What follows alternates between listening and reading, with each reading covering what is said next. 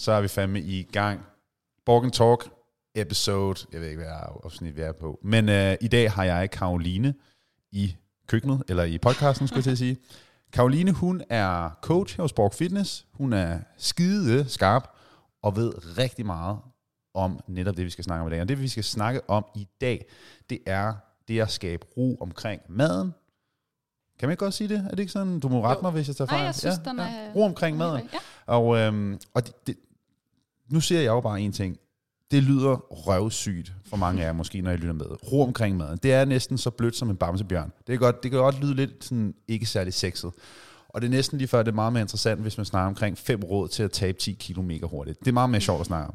Men det her er nok om noget det vigtigste at snakke om. Fordi du kan følge en plan, du kan følge en kur, du kan tabe dig en masse kilo, men hvis man ikke får styr på det at have en ro omkring mad, så kan det næsten være ligegyldigt. Mm. Er det ikke sådan, øh, er du enig i det? Helt sikkert. Ja. ja. Jeg synes, det er vigtigt, at der er den her ro Ja. omkring maden, uanset altså også bare ro i det hele taget i de ting, man gør. Så Ja. at øh, man har hovedet med i det, man gør, også når det handler om vægttab eller adfærdsændringer, ikke? Jo, og, der, fordi, altså, og det er jo det, der er med, med det her emne her, også bare lige inden vi kommer ind på det, det er, at det er bare ikke særlig sexy at snakke om. Det snakker vi også om tit herinde på kontoret, at det er bare ikke særlig sexy. Mm. Det er ikke noget, der sådan, altså du kan ikke, jeg kan ikke lave et opslag, der sådan er mega sådan, uh, kæft, det er spændende det her. Fordi det er bare ikke særlig sexy, Nej. men det er noget, som alle har brug for. Ja. og er sindssygt vigtigt for at skabe det her permanente vægttab og livsstilsændring, som, som rigtig mange i sidste ende gerne vil have. Så øhm, jeg vil lige rise hurtigt op, hvad det er, vi kommer ind på. Så først og fremmest, alt eller intet mentalitet, den ved jeg, at så mange af jer kæmper med. Der har Karoline nogle sindssygt gode råd. Nummer to ting, følelsespisning, og her i særdeleshed i julen, fordi lige nu det er den 1. november, og julen er, er, er meget tæt på. Så, og det at spise på følelserne, i særligt i julen, det er noget, som, som mange oplever. Julen har vanvittigt mange fristelser, og øh, slik og kage, og her mange gode ting. Så altså, der er det altså bare lidt mere vanskeligt at holde igen på, på at spise på følelserne. Og så kommer vi ind omkring det, der hedder positiv reframing. I bund og grund, det er et værktøj, som, øh, som Karoline og som vi har rigtig god erfaring med i forhold til at skabe en, en positiv ændring. Og komme igennem de udfordringer, som der altid vil være i et vægttab og en livsstilsændring. Og så til sidst kommer der fire konkrete redskaber, som rent faktisk vil kunne hjælpe dig med at få skabt en ro omkring maden. Hvilket, for at gøre det lidt sexy, vil hjælpe dig med at tabe dig nemmere. um, men det er bare sindssygt vigtigt, at, at jeg også lige får, får sagt til dig, der lytter med, at det her, det her det er nok noget af det vigtigste, du kan lytte til og tage ved lære af. For det er det her, der vil hjælpe dig, når det er, det bliver rigtig svært. Ikke at bare kunne følge en eller anden plan helt slavisk. Mm? Mm. Så skal vi ikke øh, skyde festen i gang med øh, alt eller intet mentalitet? Jo, og øh, altså, du har helt ret i, at det kan ikke være så sexet måske at snakke om, eller at det kan virke sådan lidt fluffy, snakker vi også nogle gange om, mm. at det godt kan være. Øhm, så jeg tænker, at øh, formålet i dag er egentlig også at prøve at gøre det så konkret som muligt, så det er noget, man sådan kan bruge øh, i praksis. Men bare lige sådan for at måske lige sætte lidt flere ord på, hvad det her alt eller intet egentlig drejer sig om, så har vi øh, snakket om, at det så er noget, som måske øh, dukker op her i løbet af juleperioden, at man nemt kan falde ind i den her øh, mentalitet med, at uha, så er det nu, at der er alle de her øh, lækre fødevarer, øh, der er alle de her julegodter, øh, som, Mm. som dukker op. Øh, og for mange oplever de måske, at det bliver sådan, okay, nu er det nu, at jeg skal hygge mig, nu er det nu, jeg skal jule. Knaphedsfølelse. Det, var det, det, det var et ord, som du lærte mig faktisk. Ja. Knaphedsfølelse. Ja. Ja, netop. Kan du ikke lige prøve, give mig lige en hurtig forklaring af, hvad knaphedsfølelse Fordi Jo. det, den, der var totalt en klok, der ringede for mig, da du sagde det. Ja. Ja. Altså knaphedfølelse, det er øh, jo egentlig som ordet siger, at vi har en følelse af, at der er noget knaphed omkring for eksempel maden. Så, øh, og det betyder egentlig, at vi ser det som en knap ressource til noget, som vi ikke har nok af måske, eller ikke kan få meget af. Og, øh, og den følelse kan godt øge trængen til at spise det, øh, trængen til at spise meget af det, eller trængen til at spise hurtigt af det, eller øh, mere af det. Øhm, og det er noget, som mange oplever, især i de her øh, sådan, sæsonprægede øh, sådan juleperioder øh, og så videre, påske og andre lignende sådan, ja, sæsoner, hvor at der er de her fødevarer, der lige pludselig dukker op nede i supermarkedet, eller der er nogle begivenheder, vi, øh, vi forbinder med nogle specifikke måltider. Skal vi fandme have pebernødder? Ja, pebernødder, Ja, ja, ja. Nu, skal, nu vi rise mange æbleskiver og så videre. Og sådan, det er næsten, det er vel også lidt det samme som sådan noget med fredagsslik, ikke? Jo, Ja. lige præcis. Jeg synes jo, fredagsslik er sådan et fantastisk eksempel Ja. på sådan en knaphedsfølelse. Og når det er fredag, tydeligt huske det som barn ned i Blockbuster, man skulle Ja. have slik, og det er fredag, fordi man må ikke spise slik resten af ugen. Det er det, Knaphedsfølelse gang 5.000, præcis. og der er mange voksne, der har det præcis sådan der nu, med Helt den der sikkert. fredagslik der, for eksempel. Ja. Og det interessante er, at ofte så er det noget, vi faktisk skaber for os selv. Ja. Øhm, den her knaphedsfølelse. For eksempel vil vi sige, at jeg må kun spise slik om fredagen. Det er jo en regel, man selv har skabt. Øh, jeg kan sige, selvfølgelig for børn kan det være forældrene, der har skabt den regel, eller lavet den restriktion i forhold til det, og det er en helt anden snak, som jeg ikke vil gå Mm. ind i, men øhm, typisk, i hvert fald hos os voksne mennesker, så er det faktisk en, en restriktion, at vi selv laver, som Ja. giver os den her følelse af knaphed. Øhm, men især her i julen, for eksempel, kan det også være en følelse, vi får, altså fordi vi tænker, at det også er sådan supermarkederne, der skaber den for os, fordi der er kun de her ting tilgængelige mm. i den her periode. Øhm, men der kan det være ret interessant at prøve at kigge lidt nærmere på, om det egentlig passer. Øh, sådan prøve at gå lidt på opdagelse nede i supermarkedet. Hvad er det egentlig for nogle ting, der dukker op hernede? Er det egentlig noget, jeg virkelig kun kan få på det her tidspunkt? Altså jeg så, øh, nu har der jo lige været Halloween, jeg så, der var Halloween brownies, Halloween romkugler, øh, Ja. Halloween chokolade, som egentlig tror jeg bare har været en, en julemands chokolade pakket ind i noget nyt Ju- papir. juleslik, der var wrapped in another Ja. way, er 100%. Det er det, og der kommer faktisk, jeg synes, der kommer mere og mere af det her øh, for tiden mm. øh, egentlig. Altså, der er mange af de samme ting, der går igen, og de kan simpelthen få alt til at være... Ja. Jeg så der også, der var noget, der var Halloween popcorn. Altså, det, Det er jo også Det bare sådan noget som øh, øh, flæskesteg og brun sovs. Ja. Som om, sådan, når det bliver december, sådan, åh, nu skal jeg fandme spise meget brun sovs. Der er jo ikke nogen, der har sagt, at du ikke kan spise det resten af året. Samme med risengrød. Ja. Altså, nu Simone, det er jo min forlovede der, hun kører risen, hun kører risengrød sådan alle årstiderne. Uh, men det er jo også bare sådan nogle ting, jeg tænker også, det er også værd at eksperimentere med at implementere det, er det ikke det? helt sikkert. Hvis man virkelig har nogle ting, man har en knaphedsfølelse overfor. Ja, altså faktisk, øh, det her med sådan at eksponere sig selv lidt mere for det, kan mm. også godt fjerne noget magien omkring det, øh, så det ikke behøver at være en knap ressource, så at Ja. ja. sige, altså noget, der du kun kan få i julen. Og det kan man faktisk gøre med sådan, øh, bare sådan noget som med chokolade, for eksempel, eller slik, ikke? Altså Jo. det her med at bare spi- sige, "Jamen, så må du spise noget chokolade hver aften. Det kan næsten fjerne magien. Er det ikke, er det ikke en, en sådan lidt mere lavpraktisk måde, man gøre det på, hvis vi bare skulle snakke om sådan noget som for eksempel chokolade? Jo, altså jeg har nogle gange, hvor jeg sådan ordinerer Ja. klienter faktisk at spise nogle af de her ting, de har det svært ved, for ja. At få fjernet noget magien ved det. Så det ikke bliver den her, "Jamen, du må kun fredag. Faktisk du må gerne hver dag. Øhm, men en væsentlig del af det er faktisk også at få fjernet øh, mængderne, som kan være lidt modstridende i forhold til, når man gerne vil arbejde med vægttab måske. Ja. At man tænker, "Nå, så skal jeg også kun må det i en specifik mængde. Men det kan også for nogen være en ny. Hvordan, Sådan knaphed. hvordan øh, oplever du, folk tager det, når de får, lad os bare sige, man får ordineret chokolade? Jamen, øh, rigtig godt, fordi Ja. at når du må få det hele tiden, så begynder du også at være nysgerrig på, om har jeg så egentlig også lyst til det okay. hele tiden, og brug for det hele tiden. Det kan være virkelig svært i starten, og i starten vil man måske også tænke, at jeg har lyst til det hele tiden, jeg har brug for det hele tiden i alle mængder, mm. konstant på hele døgnet rundt. Øhm, og, og det er også en proces, man lige skal igennem. Øh, for nogle kan det tage kort tid, for andre kan det tage lidt længere tid. Men øh, de fleste øh, oplever i hvert fald, at det bliver mindre med Ja. ja. tiden. Og der kommer også et øh, redskab, en af de redskaber, vi snakker om i starten, som vil komme her senere, som man kan bruge også i den forbindelse. Okay. Som øh, nu kan jeg lige præsentere som er sådan en nydelsestræning. Er det en af de ting, du skrev hernede længere nede? Yes, det er Nydelsestræning. en af redskaberne, der kommer. Altså folkens, I skal jo vide, at øh, Det teaser. jeg har jeg, Karoline meldt sig til den her podcast, det vil jeg godt sige. Øh, og, øh, og så snakke, og så var jeg bare sådan, jamen, øh, kan du bare lige give mig et hurtigt draft af, hvad, hvad der kunne være fedt at snakke om, hvad kunne være godt for folk at lytte til, ligesom her i upcoming jul. Og så, øh, jeg må godt udlevere dig en lille smule, ikke? Ja, så Ja. kom. Og Karoline er jo simpelthen så pissegod, at øh, hun smækker lige sådan en firesiders pdf-fil op, og sådan, jamen jeg har lige forberedt mig en lille smule. Altså, så det er rimelig skarpt. det er rimelig stærkt. Det kan godt blive hængende. Det er velforberedt. Det er altså meget fedt. Nå, men skal vi, altså, vil du lige øh, snakke om den der nydelsesfætter øh, fætter der? Jeg skal bare hoppe direkte til Ja, det den. synes jeg. Ja, så, øh, så nydelsestræning, altså nydelsesbevidsthedstræning, det handler egentlig om, øh, meget sådan kort fortalt, at man øh, lægger mærke til selvfølgelig sin nydelse, mens man spiser noget. Mm. Og øh, man kan prøve at lave det som en skala, der kan gå fra 10 til 0. Øh, det er typisk sådan, jeg plejer at lave den. Så 10, det er maksimal nydelse, det er en, wow, det smager bare sindssygt lækkert det her. Helt ned til 0, som så er nu, er der ikke nogen nydelse tilbage. Mm. Øhm, og det er også bare for at ligesom sige, at nydelse kan jo være på et spektrum. Det er ikke bare, enten så nyder du det, eller så nyder du det ikke.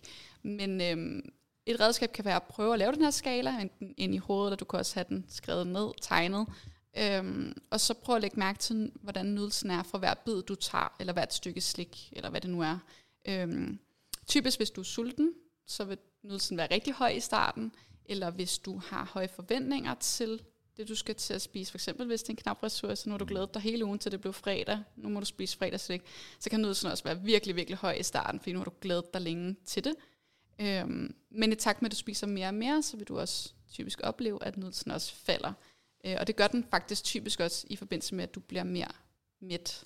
Okay. Det er ikke altid, at de føles helt ad, men typisk så vil nydelsen også falde i takt med, at man også Så er det Bliver simpelthen bare lige for sådan at, at sådan uddybe den fuldstændig. Så det er egentlig, at man, man for eksempel fredag aften Ja. har noget slik. Det er ens kæphest.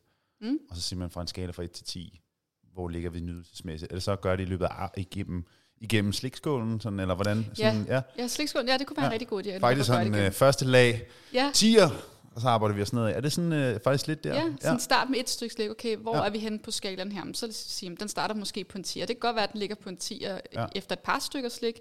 Øh, men så på et eller andet tidspunkt, så vil vi begynde at falde lidt. Og så på den måde kan man også blive klogere på, jamen, hvor meget skal der egentlig til, før jeg nyder det her mest. Det er faktisk et meget fedt eksperiment.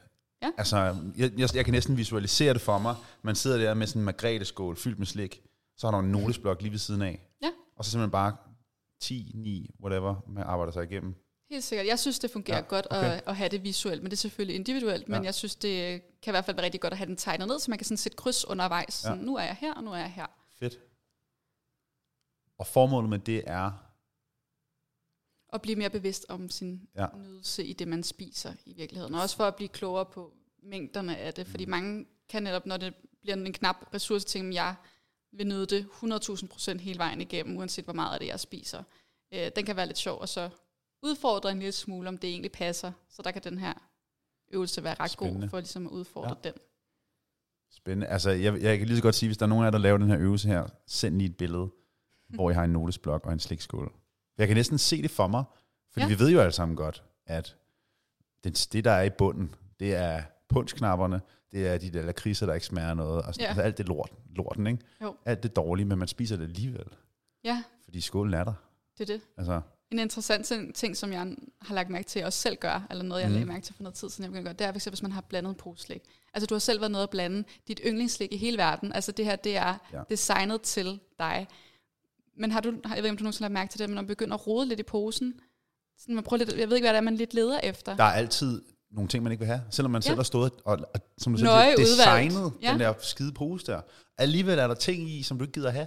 Ja, og det er et eksempel på, typisk at det er fordi, at nu er du faktisk blevet tilfredsstillet. Ja. Nu har du opnået det, du gerne vil, og nu er du ved at være. Så kan man jo gemme det så vil jeg måske nok faktisk nyde det mere i morgen, Ja. øh, når jeg har Og det kan jo igen. egentlig også i sådan hele, så i udvælgelsesprocessen, det lyder fancy at stå der blandt selv slik, det kan jo faktisk også hjælpe en til at rent faktisk, for mit vedkommende, så er det faktisk at gå udenom alle vingummierne, lakridserne, fordi jeg ender faktisk altid med at spise de fyldte chokolader først. Ja. Resten, det er bare fyldt. Ja. ja. Så man, det, det kan også hjælpe en i selve processen til at rent faktisk kunne til at spise det her, og når man får en Ja. kendskab til det. Ja. Ja, du kan helt sikkert bruge det som en, altså Ja. ja. en erfaring i forhold til næste gang. Hvad Ja. ja. kan være, at det egentlig jeg altid ender med at have tilbage. Det er måske faktisk ikke noget, jeg nyder lige så meget. Fordi det, jeg ender med at tage først, er det, jeg bedst kan lide. Fedt.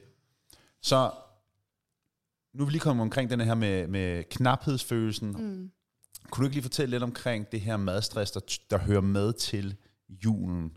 For det er der noget, ja. Der er mange, der får. Men vi ser jo hvert år i nyhederne, at folk de bliver indlagt, fordi de har spist for meget mad i Ja. julen. Det er jo crazy. Ja. Så der er jo bare kæmpe madstress i forhold til at spise, hvad ens familie forventer af en, i forhold til, hvad ens kollegaer og ens omgangskreds forventer, også de forventninger, man har til sig selv på grund af knaphedsfølelser, hvad det nu måtte være. Kan du prøve at snakke lidt omkring det her madstress, som der for mange opstår, især Ja. i julen? Helt sikkert. Altså det kan se ud jo på forskellige måder. Så når, når jeg siger madstress, eller når vi siger madstress, så kan det jo både være stress i forhold til den her knaphed, vi lige har talt om, men det kan også være stress i forhold til, at man rigtig gerne vil være med til de her sociale øh, arrangementer, men man måske også har et ønske om at komme ned i vægt, for eksempel. Mm. Øhm, og så kan der være alle de her sociale forventninger, som du også lige nævnte, som også kan spille en faktor, som jeg ved, at I også har talt lidt om i, en- i et andet afsnit, mm. som man også kan høre, Ja. øh, for at komme lidt nærmere det. Men øhm, så der er nogle forskellige ting, der ligesom kan give den her stress. Men jeg tænker, at øhm, det er især det her med knaphedsfølelsen, som kan, kan give det, at det er nu eller aldrig. Det er nu, at jeg skal spise det hele den her måned. Øh, og den kommer typisk, fordi i hvert fald rigtig mange oplever, at vi så restarter, nulstiller her i januar. Fordi Ja. ja, du kan godt genkende det. Ja, ja, tænker, det, der er måske det også tror jeg, mange- vi alle kan, ja. ja. Jeg har også selv altså, gjort det der, Ja. hele tiden kørt frem og Jeg tror, vi tilbage. alle sammen har været der, Jeg ja. tror, vi alle sammen ja. kan genkende det, at øhm, så skulle der nulstilles Ja. januar, så skulle den bare have en over nakken.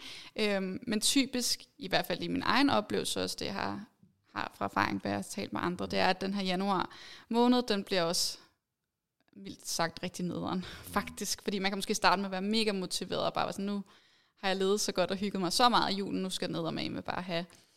Men den kan også komme med en masse afsavn, som vi også har talt lidt om i også et andet afsnit, nu står Ja. ja. rigtig at reklamere. Det er Men, i øh, øvrigt øh, et afsnit, overspisningsafsnittet. Overskriften hedder simpelthen bare overspisning. Ja. Uh, det var ikke lige det, vi ville dykke, dykke Nej. ind i i dagens afsnit, men uh, gå ind og lyt til det her. Hvis, hvis nogle af de her ting ringer en klokke for dig, eller sådan appellerer til dig med mad og spisning osv., gå ind og lyt til det afsnit, der hedder Overspisning. Det ligger herinde på podcasten. Det er super godt. Fedt. Reklamer? Ja, men der kommer i hvert fald lidt mere i- dybden med det, det har jeg ikke tænkt Ja. mig at gøre nu. Men det er egentlig, at, øh, at januar så kan byde på en masse afsavn, fordi man lige pludselig måske begynder at skære en masse fødevarer fra. Øh, man begynder måske også at skære sociale arrangementer fra, fordi nu skal man ned og træne en hel masse, man skal øh, spise alle de rigtige ting, tænker man at gå Ja. på en eller anden ny diæt og så videre. Øh, så, så det kan blive meget to yderligheder, altså januar og, og julen, december måned, hvor det ene er sådan all in, og den anden er sådan, nu skal vi bare være Og tit og ofte, så er det jo også, altså julen bliver også endnu mere madstress, endnu mere knaphedsfølelse, når man ved, 1. januar, Herborg, der står det på slankekur, der står det på fitness, det står på spise øh, lidt mad og alle de her ting, fordi jeg skal fandme tabe mig, men jeg gider. Ja. ikke lige gøre det i julen, det kan jeg ikke overskue. Nej. Så bliver det fandme også sat op på en, en pedestal, altså hvad der skal ske til januar måned, ikke? Så er forventningstrykket altså bare lagt. Ja, virkelig. Altså, den er sat højt Ja. barn, ikke, i forhold til det. Og det er fordi, december måned kan bare blive... Altså, jeg tror, vi alle sammen kan, kan genkende det.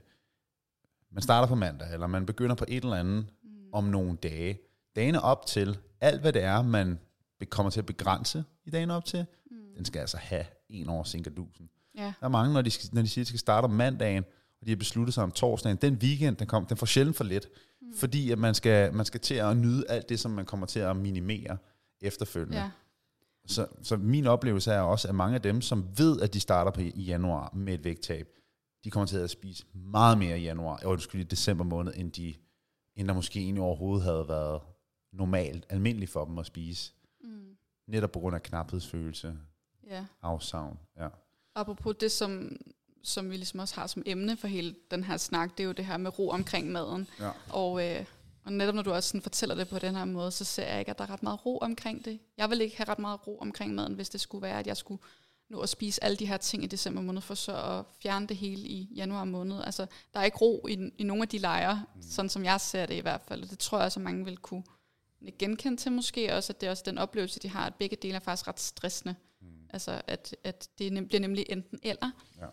Øhm, og den her nulstilling, som, som vi også taler om, som du har set med weekenden, det er jo noget, man kan se hele året rundt. Det er måske noget, man gør mange gange faktisk. Det kan være sådan nogle cykler, som man kører i løbet af et helt år. Øhm, at ja, så er det weekenden, så er det mandag, der bliver nulstillet, eller så bliver det i morgen, eller så bliver det til januar, eller bikini-sæson, eller hvad det nu mm. kan være, ikke? Øhm, så, så det kan være ret stressende, ikke bare her i sådan julen og, og januar, men generelt hele året rundt. Men især oplever vi, at det er det her tidspunkt, hvor det virkelig... Og det er så her, den her alt eller intet mentalitet især dukker op, ikke? Jo, Det er det her med, at man enten så er man på diæt, eller så er man på skrump, eller prøver at leve sundt, eller Ja. holder sig fra x, y, z, eller så går man all in, fordi på grund af knaphedsfølelse, og, og hvad det nu end måtte være. mm. Ja. Hvad kan man rent praktisk gøre, ja, for så at prøve at arbejde med den her skide alt eller intet mentalitet? Ja, det er det. Altså, hvis man kan genkende det her, som vi mm. siger, og man, er, man kan se sig selv i, okay, jeg kører måske også i de her cykluser, det er faktisk ikke særlig ret for mig at være i. Øhm, jeg har ikke lyst til hele tiden at køre mellem det ene og det andet. Øhm, så vil mit bedste råd, eller sådan mit bedste anbefaling vil være, øhm, først at starte med at kigge tilbage på, sådan, okay, hvordan plejer det at være, når du gør det på den her måde? Hvordan føles det for dig? Hvordan plejer det at ende? Øh, der er tit nogle gode erfaringer, man kan hive ud fra det og sige, okay, det her fungerede ikke så godt for mig. Der er sådan lidt nogle gange, undskyld, jeg lige hopper ind, sådan en manglende selvindsigt.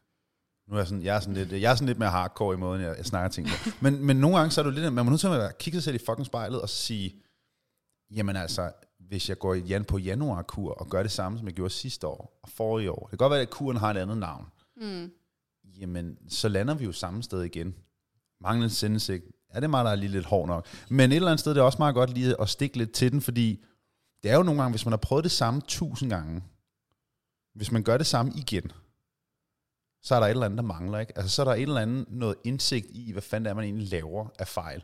Og det, det gør sig gældende med alt. Det her, vi snakker bare om diæter, vi snakker mm. om parforhold, vi snakker om alt muligt. Der er det jo tit og ofte, hvis man laver den samme fejltagelse igen og igen og igen.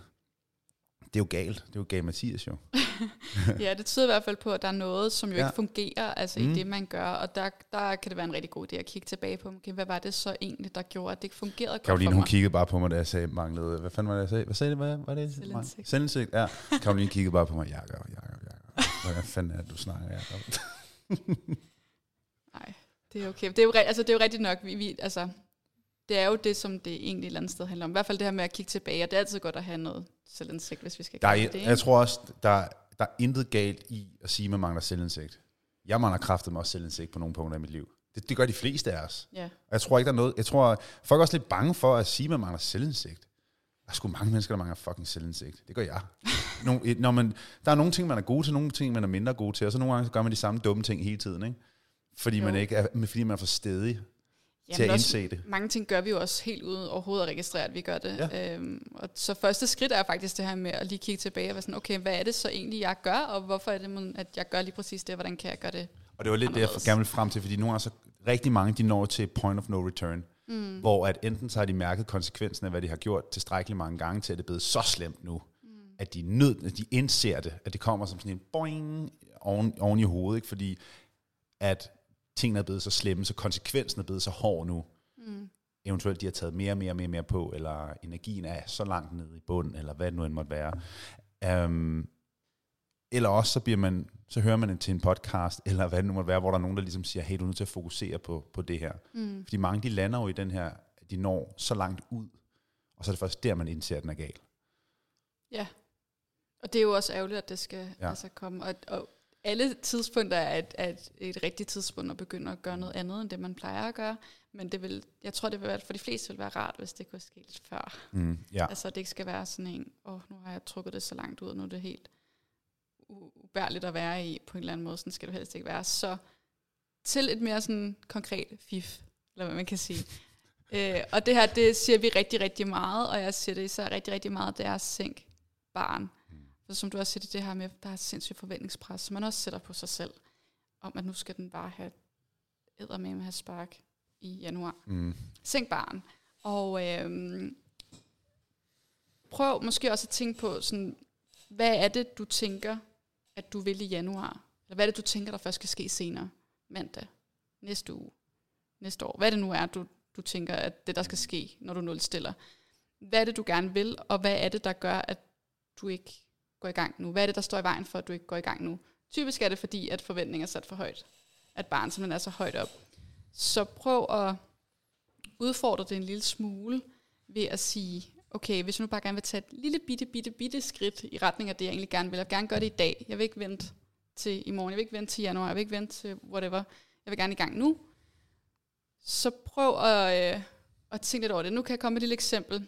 Så lad os sige, at øh, jeg har et mål om at løbe fast tre gange i ugen i januar. Det er det, jeg er stiller.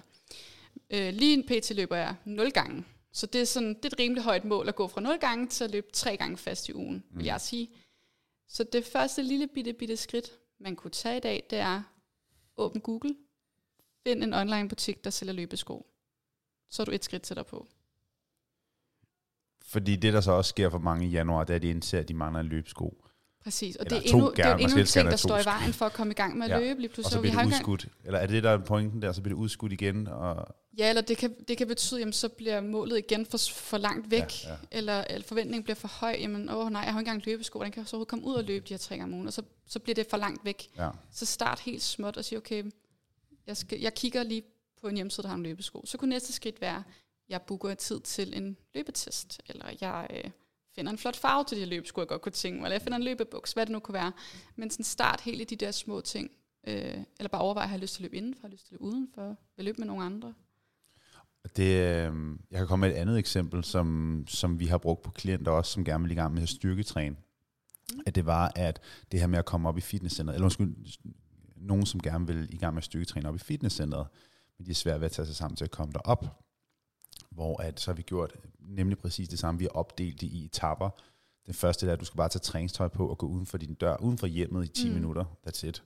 Næste gang skal du køre hele vejen op i fitness, du skal tjekke ind, men du må godt gå hjem, så snart du har tjekket ind. Mm. og, og så bygger man den på derfra. Næste gang, så skal du op og stå i 10 minutter, og så, og så bygger man videre derfra. Ikke? Og, det, og det igen, det er sådan en, øh, for at bruge ordet, jeg brugte i starten af podcasten, det er ikke særlig sexy, for mm. det giver ikke nogen resultater lige nu og her. Nej. Men, men der er man nødt til at have den der indsigt i, i hvad der gik galt før, og så sige, jamen det, der gik galt før, er jo, at jeg, jeg, jeg formoder ikke at gøre noget som helst alligevel. Ja, og det er jo fordi, det bliver sat for højt op. Det bliver ja. målet, du fokuserer på, og ikke så meget, hvad du konkret gerne vil gøre, eller kan gøre allerede nu. Og det er det, som vi jo også snakker meget om herinde hele tiden, og det vi rigtig gerne vil have fokus på. Altså start småt, hvad vil du helt konkret gøre? Fordi tre gange om ugen at løbe, det er jo, det er jo målet. Mm. Men det er jo ikke det, du vil gøre, eller sådan. det er egentlig ikke rigtig adfærden. Og hvis man skal lege djævelens advokat lidt, og så, øh, jamen, øh, jamen, jeg har brug for at blive motiveret. Jeg har brug for at mærke resultater lige nu og her af det, jeg gør. Mm. Fordi den, den får vi. Ja. Hvad siger man der? Hvad, gør, hvad, hvad skal man gøre? Hvis man sidder derude lige nu, jamen, jeg bliver da ikke motiveret af at gå ned og købe på løbsko. Jeg bliver motiveret af at løbe en tur for resultater. Ja. Jeg vil jo, så vil jeg igen prøve at sige, hvad, hvad plejer der at ske, når du sætter et mål om, og, ja. at du vil løbe tre gange om ugen? Lykke, altså hvis det lykkes, så lykkes det jo, så er der jo ikke noget problem. Men hvis ikke det gør, mm hvad er det så, der står i vejen for, at du kommer i gang med de her tre liv? Det er måske det her lille bitte skridt. Så der vil jeg med at sige, se det som et lille eksperiment. Prøv det af. Prøv at tage det her lille bitte skridt. Fordi nogle gange så kommer motivationen altså faktisk også af, at vi gør ting. Så vi er nødt til at sætte det helt ned til, hvad det egentlig reelt set er. Vi kan gøre det. Det skal være realistisk, det vi sætter af mål. Det er ikke sikkert, at tre gange om ugen realistisk fra start af. Så de her små skridt er også det, der øger vores sådan, tro på, at vi kan og vi får en succesfølelse. Hov, nu gik jeg faktisk ind og kigger på en løbesko, så er jeg skulle nærmere mit, mit mål. Mm. Det er også noget, der hjælper på motivationen. Og det er jo netop indbegrebet af den her alt eller intet mentalitet, at enten det skal være perfekt, eller også så, så gider jeg slet ikke, fordi den her med, at jamen, jeg bliver ikke motiveret af at kunne begynde at spise grøntsager hver dag. Det tager jeg ikke nødvendigvis af, eller jeg begynder at løbe tre gange om ugen. Det tager mig jo ikke nødvendigvis af, eller hvad det måtte være. Hvor at realiteten er bare, at man er nødt til at rent faktisk indse, at jamen pointen er ikke, at du skal være motiveret. Og hvis du tror, du skal være motiveret hele vejen igennem for at opnå x, y, z, så tager du grueligt fejl. Mm. Fordi der vil være så mange hårde perioder, som for eksempel julen. Vi ja. forbereder jo mange af vores klienter på, at I skal ikke tabe af julen.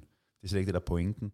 Men pointen er måske i stedet for, at du bare skal holde status quo, og eksperimentere med, med, med mad og med mæthedsfornemmelse og alle de her ting, frem for at stræbe efter et vægttab, som måske er en utopi mm. i, i december måned. Ikke? Ja, helt sikkert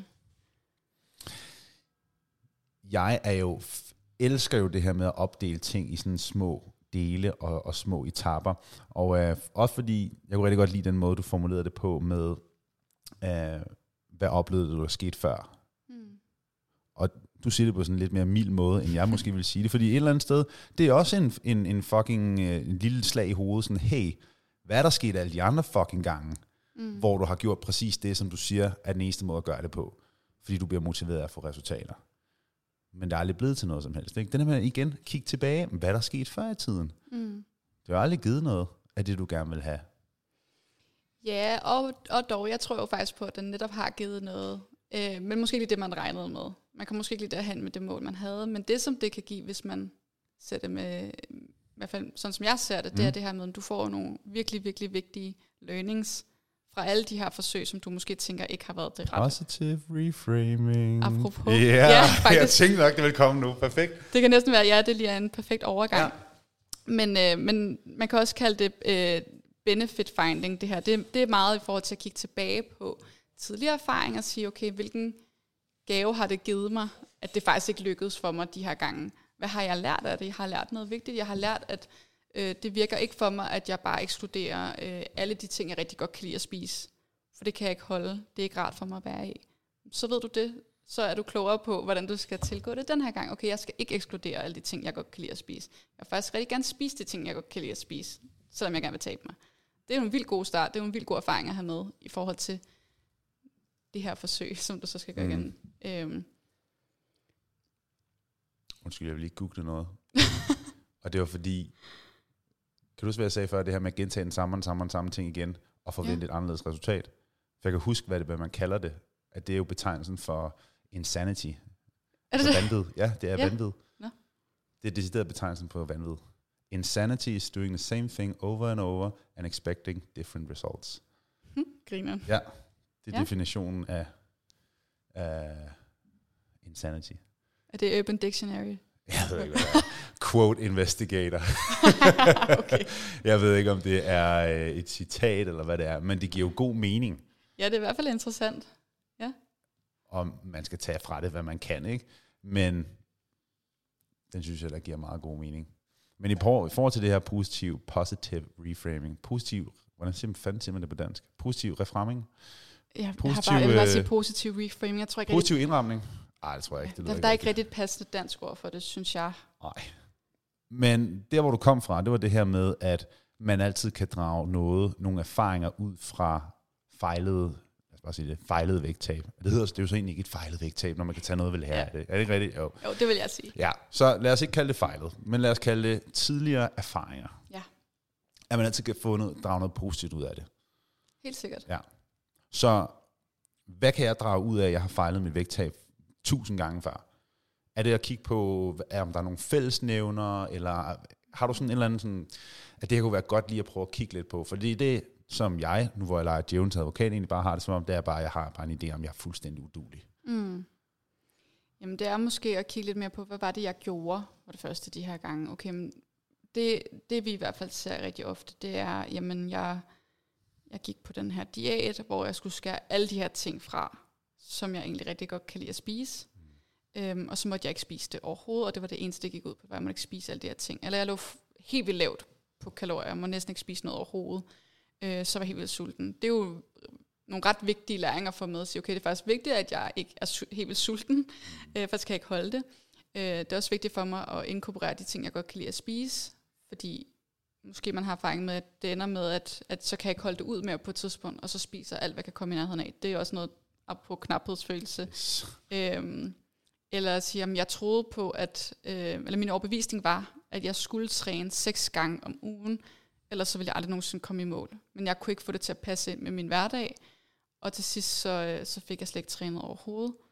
Øhm, men jeg kunne egentlig rigtig godt lide at være afsted. Så kan man sige, okay, måske at der er noget med mængden af træning, jeg skal have kigget på.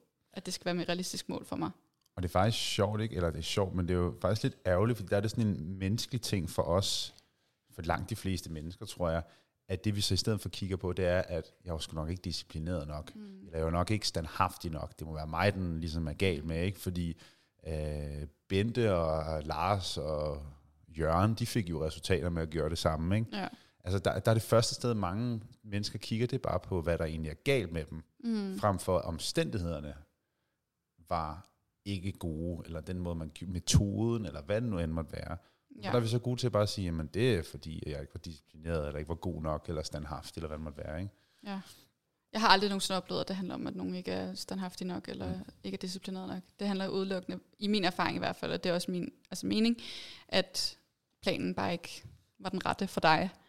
Øhm, for eksempel det her med, at barnet er sat for højt. Det har været helt urealistisk. Eller at du har prøvet at få det her til at passe øhm, ind i din, sådan, få din hverdag til at passe til det, du gerne vil, i stedet for at få det til at passe til den hverdag, du har. Mm. Øhm, for der er nogen, altså, der er jo også nogen, der siger, du har, alle har 24 timer i døgnet. Men 24 timer i døgnet kan se enormt forskelligt meget ud fra, for altså, hvert Ja. ja. menneske. Ikke? Jo. Øhm, så det er jo også vigtigt at sige, okay, det kan godt være, at øh, ham her, jeg kender, han kan, han kan træne hver evig eneste dag. Men okay, han arbejder måske også som personlig træner, og er nede i et fitnesscenter alle dage, hele tiden, og kan træne i sin pause, eller hvad det nu er, eller efter, direkte efter arbejde. Ja. Han er der, han er klædt om. Øh, men så er der måske en anden, som er den her person selv, som siger, okay, jeg har tre unger, øh, som jeg er alene med, og jeg arbejder fra øh, 7 til 18 hver dag. Hvor, Ja. Altså, du kan da ikke sådan, altså, det er ikke de samme 24 timer, I har. Nej, det er en dårlig undskyldning. jeg, kan, hun, jeg ser, at det er Ja. en virkelig, virkelig god pointe. Og der er det jo også, fordi det her med, med disciplin, disciplin er jo sådan, i min optik, lige sådan en, en, en, en, en, det er en skill, altså det er en evne, mm. som man øver sig på, som man praktiserer. Og det er nemt at være, være disciplineret med noget, man elsker. Mm. Og, og det er den klassiske, det, nu nævner du selv en personlig træner, det er den klassiske, en personlig træner snakker om at være disciplineret Mm. med sin træning og sin øh, sunde kost, når det vidderligt er det, han eller hun elsker. Ja, det er ret nemt at være disciplineret med noget, man elsker. Ligesådan for mødre derude. Nu er jeg jo selv blevet far og Simone, og den disciplin, jeg ser i Simone, når hun skal gøre ting, som, hvor jeg bare tænker, oh my god, jeg, vil, jeg vil, kan slet ikke overskue det der. Men hun gør det bare. Mm. Så den er også den der disciplin. Alle har disciplin i nogle elementer i deres liv. Uden tvivl. Men det er meget nemmere at være disciplineret, når man gør det for nogle andre, man elsker, eller fordi man elsker det, man gør. Mm. Men hvis man ikke elsker at dyrke motion, hvis man ikke elsker at spise sundt, jamen så er man nødt til at øve sig på at finde fordelene, og øve sig på at finde ud af, hvad er den rigtige løsning for mig. Mm. Fordi så snart det begynder at give resultater, og det begynder at være sjovt, fordi der er en gulerod, så er det der, hvor det bliver nemmere mm. at være disciplineret lige pludselig. Ikke? Jo, og også bare sådan få, få øvet sig i de ting, altså få gjort det igen og igen, er jo også noget, som kan øge den her. Men jeg synes, den er så svær, den her disciplineringssnak, eller også kan kalde det disciplinsnak, fordi jeg tror egentlig tit, det bare handler om, at man egentlig har fået lagt en plan, der slet ikke passer ind til det, man vil. Øh, der, er, der er så stor forskel på os alle sammen, og jeg synes virkelig tit, jeg hører, jamen, det virker jo ikke, hvis ikke jeg træner så så mange gange om ugen.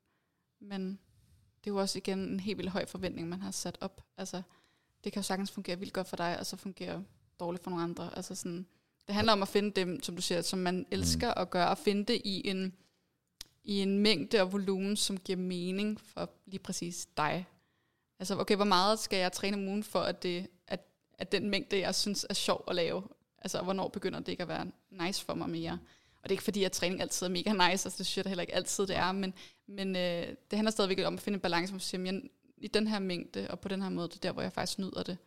Og så, er det, og så er det også det der med at se, fordi hvornår er det, at vi... Altså vi vurderer jo tit, at vi ikke er disciplineret. Det gør vi jo i, øh, i en kontekst af, at vi ser andre gøre mm. noget, som vi ikke kunne have gjort. Så det er jo også mm. til den der sammenligning med andre, ja. som ryger ind i hele den del der, ikke? Jamen alle de her andre kunne jo, så hvad er det, der er galt her? Jamen, det må være min disciplin, det er det eneste forskel, jeg kan se. Mm. Hvor at, at der er man nødt til at altid sige, jamen, for, for der er ikke nogen mennesker, der er samme sted på rejsen, og en ting er, og det lyder, sådan, det lyder så fucking kliché, men, men det er det der med, fordi en ting er, hvor mange år man har trænet, og vægttab, og jeg skal komme efter dig, men der er også, altså det at skabe en forandring, fysisk og også, vel også livsstilsmæssigt, det er jo mest af alt mentalt, mere end det noget som helst andet. Og der ved man ikke, hvor man er henne. Nej. Sådan, hvad ens oplevelse har været. For der er også mange, som er enormt succesfulde, som er drevet af, at de har manglet noget i deres liv. Så den eneste måde at få, at prøve at få, hvad skal man sige, hvad jeg prøver at sige her, folk, der har enormt meget, for eksempel sådan nogle forretningsfolk eller sådan noget, der siger man jo også tit, at mange af, af de allermest succesfulde, de rigeste mennesker, de gør det på grund af, at de har et eller andet, de føler, de skal leve op til et eller andet evigt kompleks, som starter fra det, de var barn af. Mm. Så man kan ikke bare sige, at de er disciplinerede, for de gør det af en helt anden årsag, end okay. en regulær så en person vil gøre det. Og jeg tror, det kommer til udtryk i rigtig mange ting, vi gør, at der er en årsag til, at nogen kæmper mere med andre ting end andre, fordi selv for barndommen af, kan der være ting, der gør, accelererer ens lyst og ens motivation til at gøre ting. Mm. Jeg blev drillet som barn med at være overvægtig, Jamen for mig, jeg fik vendt om til at være voldsomt disciplineret med kost og træning. Det er jo, men det er jo så også en erfaring og en oplevelse, jeg har haft mig, mm. som har kunne, heldigvis kunne blive brugt til noget positivt, men som man kan aldrig sammenligne. Mm. Fordi man ved ikke, hvad der er, der driver folk helt, helt inde, og hvad det er, man kæmper med Præcis. helt, helt inde. Nå, det var et totalt sidestep, eller hvad hedder sådan noget. Men væsentligt pointe, synes jeg også lige at have med, fordi jeg tror også, det er det, der fylder rigtig meget, som du siger, det er virkelig de her forventninger, alle har noget med sig. Nogen mm. øh, har jo altså også øh, haft en opvækst, hvor man har været helt vildt aktiv, for eksempel. Så det kan godt være, at der har været en periode, hvor de ikke har været det i deres voksne liv. Så det er altså nemmere at finde tilbage til et aktivt liv igen, end andre, der Ej, måske vokser op man, uden. Kan du også lukke prutten? Altså, det er ikke min er det Harley? Ja, det er Harley. Ja. Det er bare så jeg ved, det Harley, han ligger på sofaen herinde på kontoret. Og han Ej, jeg sidder lige i skudlinjen også. Han fucking stinker. Ja. Fy for en skifuld. Nå. Nå, jamen det var et øh, emneskift. Vi øh, lader os hoppe kægt videre til, øh, hvor, hvor, hvor skal vi tage den fra nu? Skal vi, mm. Nu har vi lige været omkring det her positive reframing. Ja, jeg tror måske faktisk lige, at jeg vil tilføje en lille ting til det, fordi mm. øh, en ting er det her med, at man kan kigge tilbage på, øh, på tidligere erfaringer og finde noget positivt i det. Det er også virkelig godt at kunne, men jeg tror øh, måske lidt mere øh, ikke lige så hårdt at skulle gå tilbage til tidlig erfaring. Det er måske lidt mere at kigge på nu og her. Fordi noget af det, som vi oplever mange også siger, det det her med, at nu er det blevet mørkt, og det er blevet koldt, og det er svært at gøre alle de ting, man gjorde i sommeren, for eksempel, hvor man har mere overskud energi, og dagen mm. føles lidt længere og sådan noget. Øhm, der kan man også bruge det her positiv reframing, som egentlig handler om, at man må gerne stadigvæk synes, det er mega træls, at det er mørkt, og det er koldt, og det regner, og det blæser, og alle de her ting, men at man prøver at finde det positive, der også kunne være i det. Så det må gerne være træls, men hvis der nu skulle være noget positivt i det også, hvad kunne det så være? Det jeg hørte lidt sige, det er, at du behøver ikke at være fake happy. Den der, Overhovedet ja, ja, ja, ikke. Nej, nej, nej. Ja, man må, må godt gerne. synes, det er røv. Ja, det er mega røv, at det ja. regner, men ja, ja, ja. det er da vildt træls. Men hvis nej. der nu skulle være noget positivt, hvad kunne det så være? Øhm, og øh, jeg kan prøve at komme med nogle eksempler måske, for det kan godt være, det er lidt fluffy, men lad os sige sådan, det må gerne være vildt træls at skulle løbe udenfor i blæstervind. Det er der træls. Det er da vildt irriterende. Træls. Mm, træls. Godt jyskor. Ja. Jeg synes bare, det dækker så godt over det. Det dækker her godt. Men har du noget jyde i familie? Ja, mit far, han er, han er ah. Det kan godt være, det der, den stammer fra. Min stammer fra min mor, og hun er ja. ikke jyde. Har, vi har ikke nogen jyder i familien, men min mor siger træls, og jeg har også træls. Jamen, jeg synes bare, det er et godt er ord. Fordi det er bare, det er virkelig, det er mere, ja. det er mere ærgerligt end nederen. Altså træls, det er bare... Nederen er sådan lidt københavner. Ja. Skød. Ja, men træls, det var skød så også. Det var ja. også i København. Skød og nederen. Ja. Jeg synes bare, træls, den... Træls, den er helt ja, perfekt. Bare træls. Den klinger helt rigtigt. Ja. Nå. Nå, men i hvert fald, lad os sige sådan, så hvis vi nu skulle finde en positiv ting ved, at man skal ud og løbe i blæst og vind, så kunne en positiv ting være, øh, jeg har stierne helt for mig selv. Der er ikke nogen andre, der gider at tage ud og løbe, så jeg har det helt for mig selv. Eller øh, den her sådan kulde og det her mørke, det giver lidt en, sådan, en ro på en eller anden måde. Det ved jeg ikke, om du har lagt mærke til. Det synes jeg, der er, når det bliver lidt mørkere og lidt mere sådan øh, det koldt. fucking hyggeligt. Der er sådan en helt speciel ja. ro. Øh, hvis nu ved jeg ikke, hvis man selvfølgelig man har høretelefoner eller noget, men hvis man lytter efter, så er der en helt anden ro. Mm. Det ser jeg i hvert fald som positiv ting. Selvom at det blæser, og det er træls. Øh, men, jeg skulle til, må jeg tilføje en lille ja, ting? Ja, endelig. Jeg, jeg, jeg kan tilføje lidt mere sådan en, sådan lidt mere, øh, sådan en, måske sådan en Jacob-ting. Netop det her med, at nogle gange er det, er det herrefedt at gøre noget, der er virkelig træls. Præcis. Det er herrefedt. Ja. Jeg elsker, jeg var begyndt, vi snakker om vinterbadning på kontoret for øh, nogle timer siden. Vinterbadning er herretræls. det er herretræls at hoppe i koldt vand, men det er herrefedt bagefter, fordi man har besejret noget, der bare var totalt uoverskueligt. Mm. Løb i regnvejr, træls. Men når du er færdig, jeg ved ved med, at man har det så meget federe, efter man har løbet i regnvejr og blæst, end man har løbet på en solskinsdag. Ja. Jeg tror, man har det meget vildere bagefter. Holy ja. shit, I did this. Ja, det kan jo altså også, det er jo også en ting, man kan tage med, altså, som man så er måske kigge lidt mere tilbage igen, men det her med at sige, at jeg gjorde faktisk noget, til trods for, at det var mega træls, mm. så fik jeg gjort det alligevel, hvor jeg er mega sej. Altså det, det, det er den gave, jeg tager ud af det her, det er, at jeg fik gjort noget, det tror som jeg var godt for mig, som jeg har lyst til noget andet. meget karakter, nemlig at man gør ting, der er træls, men der er nødvendige ja, eller som er godt for en i virkeligheden, ja. men altså, man, det er jo godt for mig at træne, men derfor kan jeg stadig godt have lyst til at ligge på sofaen, mm. som også kan være godt for mig i nogle andre kontekster. Ja. Men det kan give den her, det her boost, at sige, nu gjorde jeg det, som jeg egentlig havde lyst til noget andet. Og det jeg egentlig virkelig havde lyst til, var at træne. Men det var lige hårdt at komme derhen. Ikke? Men det positive var, at jeg fik en cykeltur ud i blæsteregn, men det gav lige nok kvikker, så jeg var mega klar til træning. Positive reframing. Ja. Hvad er det positive? Jeg kan godt lide, at du har skrevet det positive mørke, sterinlys indenfor, varme svætter, varme drikker og Harry Potter-sæson. Yeah. I love it. Jeg er så enig. Jeg er så enig. Mig og Simone, vi venter stort set bare på, at vi kan tillade os at smide Harry Potter på og køre maraton. Ja. Jeg synes faktisk, det bedste er, øh, altså elsker sommer, elsker sol og alle de her ting, men det bedste er faktisk, når det begynder at blive lidt mørkt, og man endelig kan sidde indenfor og se film. Hvor jeg, det ikke er så lyst ind af vinduerne. Jeg er, lidt, jeg er altså også en, jeg, er også, jeg kan godt lide sommer, men der er noget ved vinteren, jeg kan lide som ja. jeg elsker. Det er det. Altså, jeg elsker alle sæsoner, men det der med, det, alle sæsoner ja. kan jo noget helt ja. særligt. Og, øh, og jeg tror, at vi kunne have godt af at prøve at kigge lidt mere på det særligt, som mørket også godt kan. Ja. For eksempel Harry Potter. Fordi realiteten er, er virkelig, at, og det kan vi virkelig se med dem, som vi hjælper, at der er mange, der vil påvirke det her af mørke vejr mm. øh, i forskellige omfang, men der er, altså, altså, der er virkelig mange, der bliver sådan lidt halvvinterdebri. Ja. Og jeg tror, at det er enormt selvforstærkende. Mm. At, fordi hvis man allerede fra starten af bare tænker, nu bliver det mørkt, så nu daler mit humør, nu bliver det øv. Og der har man netop brug for at måske prøve at finde lidt de positive ting ud af det, og måske gøre en dyd ud af at rent faktisk implementere de positive ting ud af det. Du mm. skrev Harry Potter-sæson. Ja. øhm, varme svætre, varme drikke, sterillys indenfor. Jamen, det er jo bitte små ting, som det her med, at så måske rent faktisk tænde nogle sterillys. Rent faktisk tage dig selv 45 minutter en aften og sidde og se en, undskyld, og, og, og drikke, en, drikke en bog, skulle jeg sige. Drikke, drikke en kop kakao og læse en god bog. Altså, og det, fordi det her, det gør sig gældende med alting. Også med, med, med, med træning og med kost. Men jeg prøver ligesom at forvente til, hvad, er det, jeg, hvad kan jeg så i stedet for få ud af det her, som er virkelig positivt. Mm. Mm. Lige præcis. Har du ellers skrevet nogle spændende ting? Nej. Træls, surt, nederen. Det er det, vi... Synonymer for træls.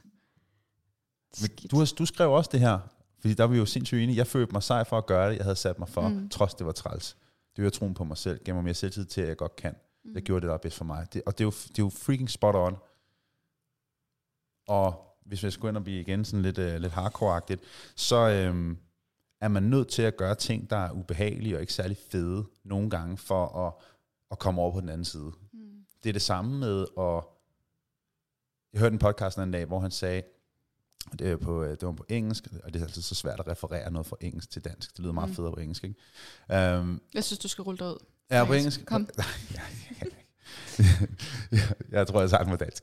Og han sagde, at den samtale, som du udskyder, det er den samtale, som vil, når det, det er den samtale, der vil gøre allerbedst, Mm. og som vil befri dig for allermest stress. Mm. Og jeg var sådan, spot on. Det er jo mega interessant, fordi det er jo også det her med sådan, der er jo også forskel på øh, ubehag. Altså for eksempel sådan, generelt føler jeg, at vi danskere sådan er virkelig konfliktsky Ja. personer. Men, og det har jeg virkelig også selv været meget førhen. Men jeg er blevet det mindre med årene, fordi jeg er blevet øh, mere klog på, jamen, at tage en konflikt, det giver et kortvarigt ubehag. Det giver et ubehag, mens man tager den, og det er ikke rart. Men hvis jeg lader være med at tage den, hvis jeg ligesom har fundet ud af, at det er vigtigt for mig, så giver det et meget længere, altså længere tid i det her ubehag. Og det er jo lidt det samme måske, det her Ja, med sådan, 100. fordi begge dele vil give dig noget ubehag, men du kan jo prøve lidt at sådan sige, hvad, altså, hvor meget har jeg egentlig lyst til at have af det? Er det okay, at jeg lige kortvarigt er i det her ubehag, versus det andet ja. alternativ, som er, at jeg skal være i det hele tiden? Og, og, og det her, det kan bare koges ned til hvad som helst. Det kan koges ned til den ubehagelige samtale, det kan koges ned til de ting, man udskyder hele tiden. Fordi man ved, altså jeg ved, hvis jeg starter min dag, Mm. tjekker min mail, og så ligger der en eller anden mail. Og jeg, den magt, jeg magter ikke den mail. Der er en eller anden, det kan være fra min revisor, med at have været nogle tal, eller det kan være en eller anden mail, jeg bare ikke gider forholde mig til. Så jeg udskyder det, men jeg tænker på den mail hele fucking dagen lang. Mm. Og det samme gør skinne med, hvis man springer en træning over. Hvis man gør noget sådan, ja, det gør det for mig i hvert fald, Mm. hvis jeg springer en træning over, og jeg fucking gerne vil have trænet, jamen så fylder den bare i mit hoved. Og det, tit og ofte, så er det det her med, at det er de ubehagelige ting, som der, vi ved, der er nødvendige at gøre. De fylder 80% af vores hjernekapacitet. Mm. Hvor hvis vi bare tog action på de ting, der var nederen, som vi ved er nødvendige for os at få gjort. Jeg tror, det vil gøre som alting meget lettere lige pludselig. Fordi hvad er det, der også fylder i hele, øh, som vi snakkede om tidligere, i hele december måned, det er den der følelse af, af knaphedsfølelse. Mm. Jeg ved, jeg skal starte i januar måned også, ikke? Så der er jo hele den her, med at man egentlig ikke bare tager den, den i går sådan ubehagelige, øh, hvad skal man sige, tager aktion på, Mm. hvad end det nu er, man godt kunne tænke sig, nemlig at gå ned og købe et par løbesko, for eksempel, kigge på Google Maps, men i stedet for, så udskyder man det. Men det fylder hele øh, december måned. Mm. Så det, december måned bliver værre, end hvad det kunne have været, været blevet. Ikke? Ja. Ja, og det er, altså, al- hver gang vi skal gøre noget andet end det, vi plejer at gøre, så er det jo en, et ubehag, vi skal, mm. Fordi det er ude for vores comfort zone. Så, så det er også, vil også måske føles lidt ubehageligt at skulle åbne Google og kigge på, på løbesko, fordi uha, så har ja. jeg taget et skridt i nærheden af det her, som jeg ikke har endnu. Og det der er ubehageligt, det er ikke noget, jeg gør lige nu, så det er ude for min comfort zone. Men som du også siger, det, det er kortvarigt ubehag versus på den lange bane, at du udskyder det, som du egentlig rigtig gerne vil. Mm. Måske lang tid, ikke? 100. Hvis vi lige skal hoppe videre til øhm, de her redskaber her, som kunne være nyttige. Ja. Kan vi godt tage dem nu? Ja. Er vi det rigtige sted? Jamen altså, vi springer bare rundt, som du synes. Der var lidt i forhold til, som du nævnte i starten, at øhm, måske jeg kom lidt ind på det her med vinterdepression. Jeg ved ikke, om vi kommer Jo, godt os, nok omkring lad, os, det. lad os endelig tage til- den. Nej, lad os Mm. endelig tage den. Men det er egentlig bare i forhold til, at du nævnte i starten det her med følelsesmæssig spisning. Vi har også talt om det i den anden podcast, som sagt, men jeg synes stadigvæk, at vi godt lige kan runde det bare lige sådan lidt lettere i den her, øhm, fordi at, som du også nævnte, det er noget, som kan, altså julen kan være svær for mange i forhold til det her, at man bliver mega eksponeret for mange madvarer, som du også sagde. Øhm, og for mange kan en strategi her i julen også være at spise på følelserne. For mange kan julen altså virkelig også bringe rigtig, rigtig mange følelser med sig, både gode og dårlige. Øhm, hvor at maden kan føles som en, sådan en tryg ven i det. Øhm, og det er ikke fordi, at, at jeg vil komme med sådan løsningen på de her følelser, fordi de kan se ud på forskellige måder. For nogle kan det være nogle meget store følelser at sidde med, men for andre kan det også være nogle lidt lettere følelser, hvor at øhm, noget, man kan prøve at arbejde med, hvis man har lyst, i forhold til, hvis man gerne vil udvide sin værktøjskasse i forhold til ikke kun at vil spise på de her følelser, men også gerne vil gøre nogle andre ting, så kan man prøve at kigge lidt nærmere på, øhm, hvad for nogle ting, der kan være med til at give en selvomsorg, eller tanke en op. Øhm, igen, prøv at kigge lidt tilbage på tidligere erfaringer måske.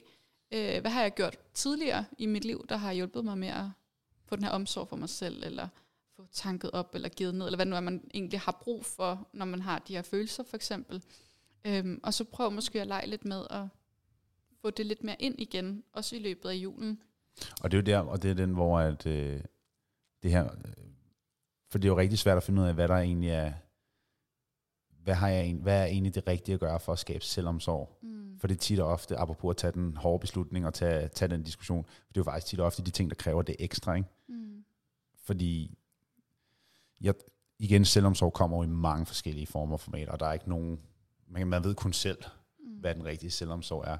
Men, men jeg oplever i hvert fald nogle gange, at, at selvomsorg hurtigt kan blive til, jeg sidder ned og laver ingenting. Ting. Og det er mm. klart, det er det for nogle mennesker. Men jeg tror jo rigtig meget på, at man er også nødt til at tage aktion. Og det her, det her er ikke om at starte træning eller om noget som helst. Men det her med, at min pointe er egentlig bare, at jeg tror, mange lander i hurtigt i, at selvomsorg bliver at sidde ned på sin sofa med tændte sterinlys og læse øh, selv, øh, hvad fanden hedder sådan noget, øh, self-care books, mm. hvor at jeg synes hurtigt, at man glemmer lidt, man læser alt teorien, man lytter til podcastsene, mm-hmm. men der er aldrig noget mere. Mm. Der er aldrig det her skridt efterfølgende. Igen, det er mig, der lige hopper ud af en, en side. Øh, ikke? Kan du følge mig? Ja, altså jeg tror, det er ekstremt sådan kontekst baseret uden, uden i virkeligheden. For ikke, man kan ikke skære alle over med en. Nej, og som du siger, nogle, nogle gange vil det helt rigtige og mm. omsorgsfuldt at gøre for dig selv, vil være at sætte dig ned i sofaen med tændte sterinlys. Men i andre kontekster vil det være noget andet, du skal gøre. Øhm, men det er egentlig det, jeg egentlig bare sådan vil invitere til, at egentlig bare prøve at være lidt mere nysgerrig på det, prøve at lave måske lidt brainstorm. Hvad kunne være nogle ting, der kunne hjælpe mig med at give mig noget energi? Øhm, og, og maden må også gerne være det, der gør det, men det er egentlig bare for at prøve at øve i at gøre nogle andre ting. Øhm, og måske også være lidt nysgerrig på, okay, de ting, jeg gør lige nu, giver det mig egentlig det, jeg leder efter? Giver det mig faktisk selvomsorg og trøst og mm. tryghed, hvad det nu er, jeg har brug for, når jeg har det sådan her?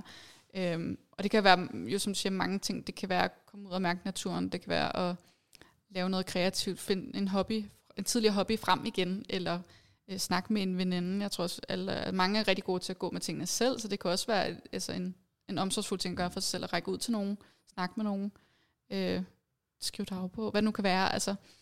Men, øh, men ja, det kan også være øh, at tage aktion på nogle ting, som du siger, i forhold til for eksempel det her lille bitte skridt, vi også har talt om tidligere. Ikke? Mm. Altså, øh, det kan også være en virkelig selvkærlig ting, at sige, okay, jeg har faktisk gået og forhandlet mig, med mig selv omkring at gøre det her i overvis og det gør mig ked af det, at jeg ikke er kommet i gang med det nu. Så kan en virkelig selvomsorgsfuld ting jo også være at sige, nu vil jeg bare gerne korte det helt ned til et lille bitte, bitte skridt, jeg vil gøre i dag. Og lige den her med, med, med en, julen, ensomhed i julen og alting. Nu fandt jeg bare lige en statistik frem. 8% af alle danskere over 16 år rammes hvert år af ensomhed. Ja. Uh, og i julen er det endnu værre. Ja. Det er jo virkelig, virkelig mange mennesker. Og for mange af de mennesker, vi har med at gøre, der bliver maden jo mm. tit en, en outlet for den her ensomhed og den her pr- forsøg på at håndtere følelser. Mm. Det er virkelig mange mennesker. Ja. Og det er åbenbart, der står her, at det kun blevet værre med corona efter coronatiden. Ja, det tror jeg på. Og det giver også vildt god mening, fordi julen er virkelig også meget præget af, at vi samles omkring alt muligt. Ikke? Mm. Øhm, så ja. kan jeg godt forestille mig, at det må føles ekstra svært, hvis man ikke har nogen at samles med. Så Udover det her med at være at prøve at, at skabe noget selvomsorg, og være nysgerrig på, hvad er der egentlig skaber selvomsorg. Mm. Er der andre ting, sådan i forhold til maden, man kan, man kan forsøge at arbejde med, Nu er dine noter lige forsvundet her på min computer. Ja, jeg tror egentlig, jeg vil holde det mere til det, og så vil jeg i stedet henvise lidt tilbage til den meget, meget lange snak, Ja. ja. vi også havde i overspisningsafsnittet, øh, afsnittet, fordi der øh, kommer vi lidt nærmere ind på det Mm. i forhold til følelsesmæssig spisning. Så lige her er det mere for sådan ligge lidt op til, prøv at være lidt nysgerrig på, hvad for nogle ting, der tanker dig op i virkeligheden her i julen. Øhm, og hvordan det kunne se ud på andre måder end med maden alene. Så det har jeg faktisk også hørt dig sige, det er, i stedet for at fokusere rent skær på overlevelse, mm. så prøv rent faktisk at trives. Ja. ja, for guds skyld.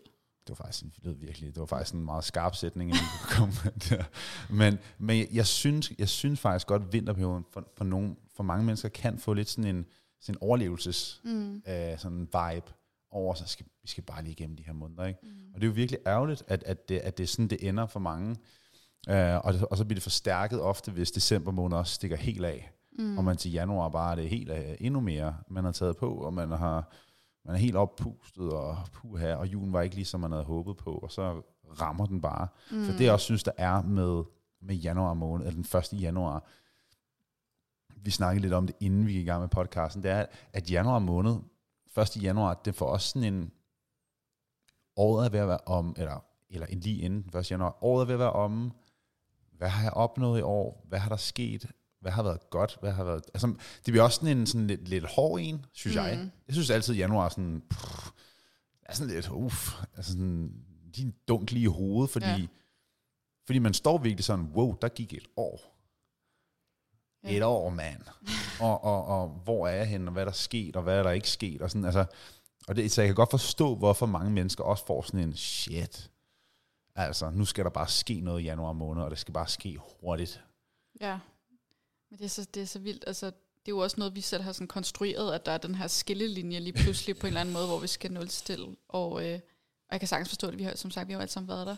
Men, øh, men ja, en lille udfordring måske kunne være det her med at prøve at, og, øh, at kigge lidt nærmere på den her overbevisning om, at man skal nulstille noget i januar. Hvad er det egentlig, jeg skal nulstille, og hvad er det egentlig, der står i vejen for, at jeg allerede kan gå lidt i gang i dag. Så jeg ikke skal stå i januar og tænke, åh, oh, nu fik jeg slet ikke gjort alle de ting, jeg gerne vil. Øhm, så sænk barn i virkeligheden. Ned med forventningerne. Ja, ned med dem.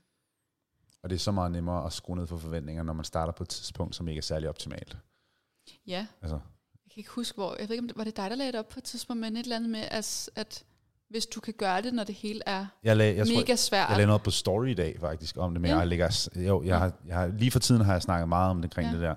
Ja, fordi hvis det er helt, altså hvis, hvis du allerede nu ved julefrokoster, det ene eller andet tredje, man ved bare allerede nu, jeg kommer ikke til at følge whatever Mm. plan, jeg nu kommer til at lægge for mig. Men øh, det kan faktisk være en ret god ting, fordi du har naturligt skruet ned for dine forventninger.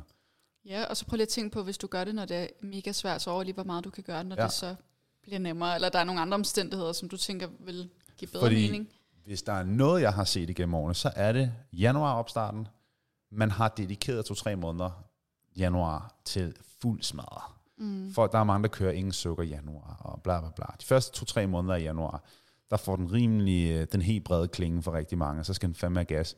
Men så lige pludselig så kommer life, og så er der ting, der sker og foregår, og sociale aktiviteter, og så kommer konfirmationerne der i maj måned og så videre, og så står vi præcis samme problem igen. Sociale aktiviteter, du har travlt, der er noget med børnene, bla bla bla. Og så er de udfordringer, det du kunne have lært i øh, december måned, det står du bare og skal blive konfronteret med der, og det er langt sværere nu, Mm. end det var dengang, fordi dine forventninger til det resultat, du har fået de sidste to-tre måneder, det bliver lige pludselig udfordret. Mm. Hvor det her med at starte med, at det går lidt langsomt, det er faktisk meget godt. Og det er bestemt ikke tidsspil, som mange ellers opfatter det lidt som om. Nej, nej, overhovedet ikke. Altså hver, en, hver et lille skridt tæller jo Ja. i det store billede. Altså alt, alle, alle små skridt skal jo nok få dig derhen af. Ja. For man er nødt til at se sådan et, et, et vægttab, eller livstilstand, eller hvad fanden man har lyst til at kalde det, som øh, den første dag resten af mit liv. Mm. Fordi det er det. Der er intet, der kommer til at være ligesom det var før. Fordi alting kommer til at ændre sig. Og det er ikke sagt, at man kommer til at leve på en helt anderledes måde, eller noget som helst, men helt ens tilgang til ting Mm. kommer til at ændre sig med tiden til det, til, til det bedre, hvis der man står og har brug for det.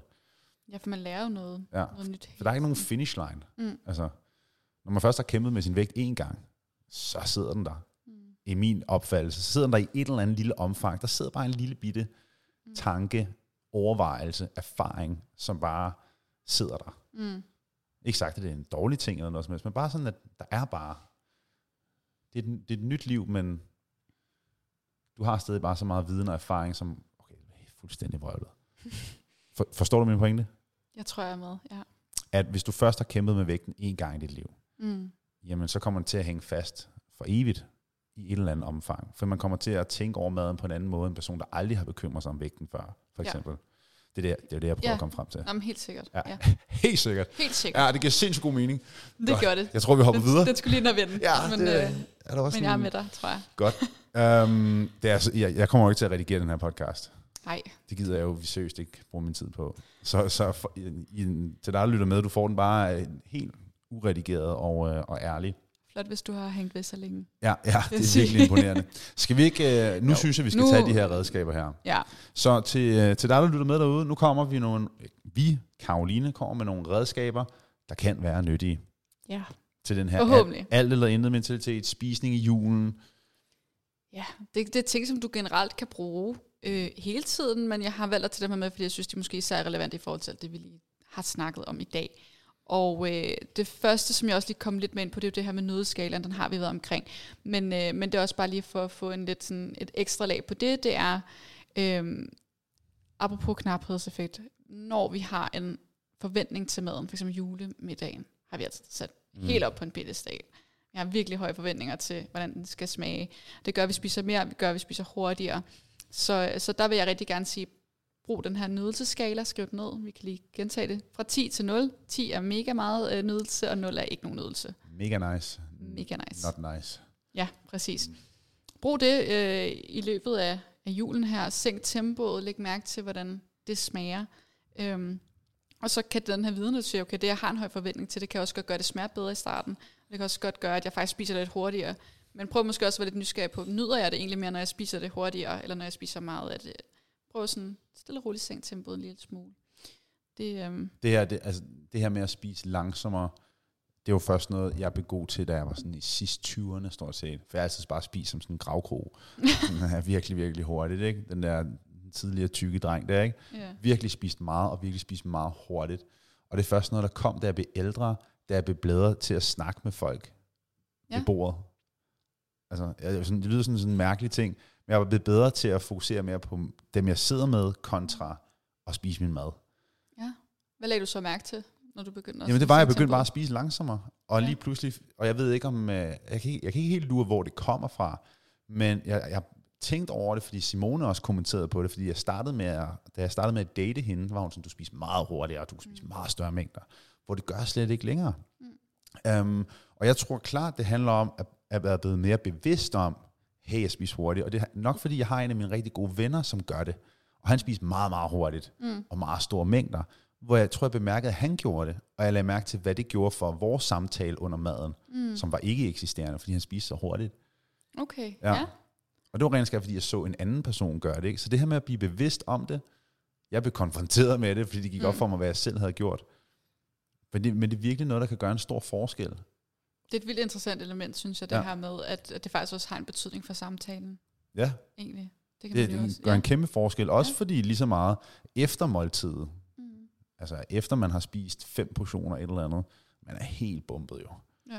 Det ved vi, jeg tror, vi alle sammen har været til julefrokost og bare flækket flæskesteg, eller risalemang, eller hvad det nu Ja. er for noget, man godt kan lide.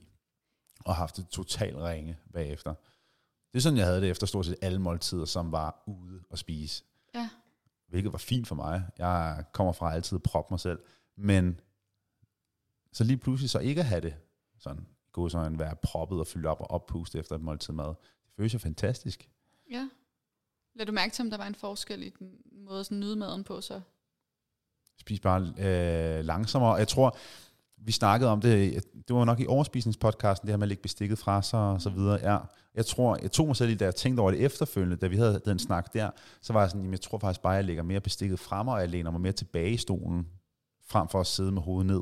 Mm. Sådan, okay, det lyder som om jeg bare sidder som en eller anden maskine. Men altså den her sådan fokus på spisning hele tiden. Ja. Spændende. Det er en sjov ting, og Ja. ja. jeg tror i hvert fald, det, det- det er uden tvivl noget af det, der kan gøre en stor forskel, for jeg ved, der er mange, den her med især at spise hurtigt. Mm. Især når man, jeg voksede op med, at øh, man skulle spise op, Ja. hvis man skulle gå for bordet. Ellers fik jeg ikke lov til at gå for bordet. Min far Ja. håndhævede det med hård hånd. min lillebror, han ville sidde, jeg må godt uh, hænge min far lidt ud. min, min lillebror, han kunne sidde og græde ved spisebordet, fordi han ikke måtte rejse sig, fordi han skulle spise op. Ja. Det var crazy. Der kommer mange ekstra dage på det her faktisk, det er virkelig interessant. Ja, og jeg tror, mange kan identificere sig med, at måske i barndommen, at altså, det her med at spise, i hvert fald, og jeg er kun 33, eller så er 34, det kan jeg ikke huske, at, øh, at det her med at spise har så ændret sig. Øh, Jeg tror, vi er mere fokuseret på det nu til dags. Mhm. Det her med, at man behøver så ikke at spise op, Mm. og så videre, men jeg har fandme opdraget med, hvis du tager en portion, så spiser du den. Hvis vi vil betale for en is, så spiser du den. Så det her med at spise hurtigt blev også lidt en strategi for til en- at kunne komme hurtigt væk fra ja, bordet igen. ja, præcis. Eller sådan, ja. Ja. Nå. Mega spændende. Ja. Men, øh, men det giver faktisk ret god mening i forhold til det næste sådan Mm. redskab, man kan bruge. Det er egentlig også det, som siger, det her med sådan, øh, lægge bestikket undervejs. Men det er egentlig sådan, prøv at øve dig i at øh, mærke mere efter i maven. Og øh, det har man også bedre mulighed for, når man får skruet lidt ned for tempoet, så man får holdt nogle pauser. Øh, men prøv sådan at lægge mærke til, hvornår føles jeg egentlig med på en behagelig måde. Det kan være helt vildt individuelt, og det kan være her svært at finde ud af, hvad behagelig med er. For nogen kan det her være behageligt med, være, at man er mega proppet. For andre er det ikke der. Og nogen kan også finde ud af, okay, måske jeg troede, at det var behageligt at være proppet, men det er det faktisk ikke. Og den, nu kommer jeg ikke ind med sådan en, fordi lige præcis det der er jo spot on. For jeg tror, de f- mange som, eller nu kan jeg kun snakke for mig selv, det var præcis som det var for mig. Ja. Jeg var nemlig, jeg elskede at være proppet. Jeg elskede det. Det er det bedste følelse. At være helt fyldt op i maven. Mm. Fedeste følelse nogensinde.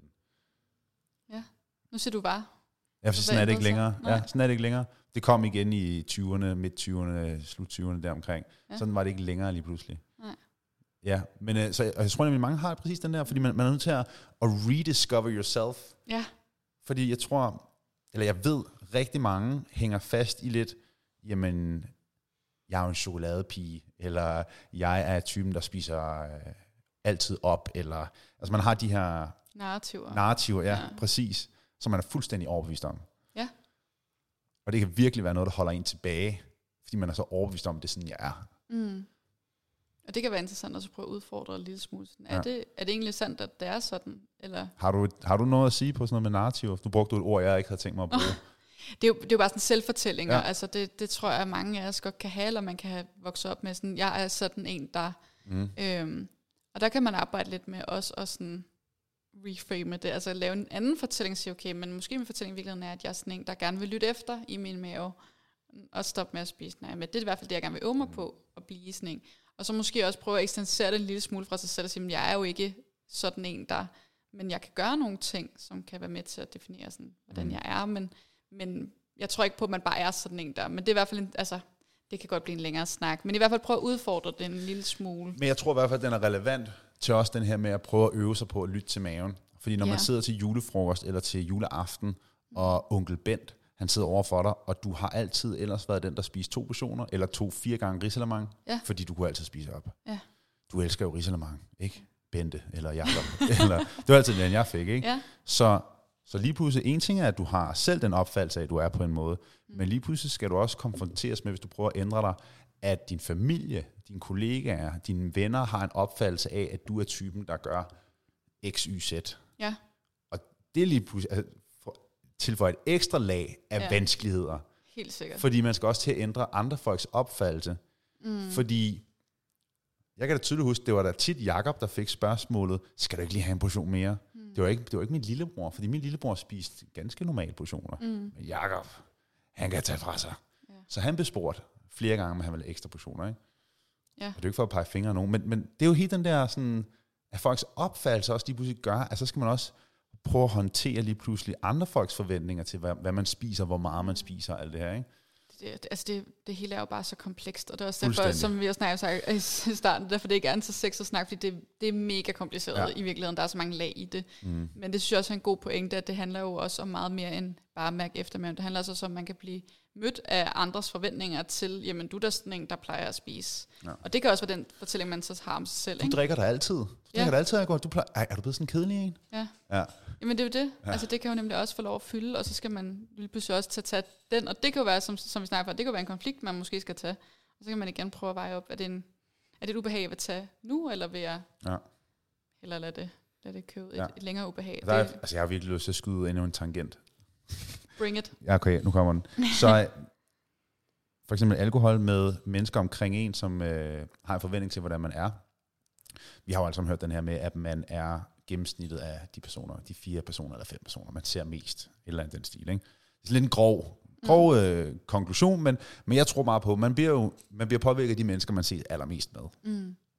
Og en af de mest magtfulde måder at ændre sit liv på, ændre sin måde at være på, det er ved at ændre sit miljø og sin omgangskreds.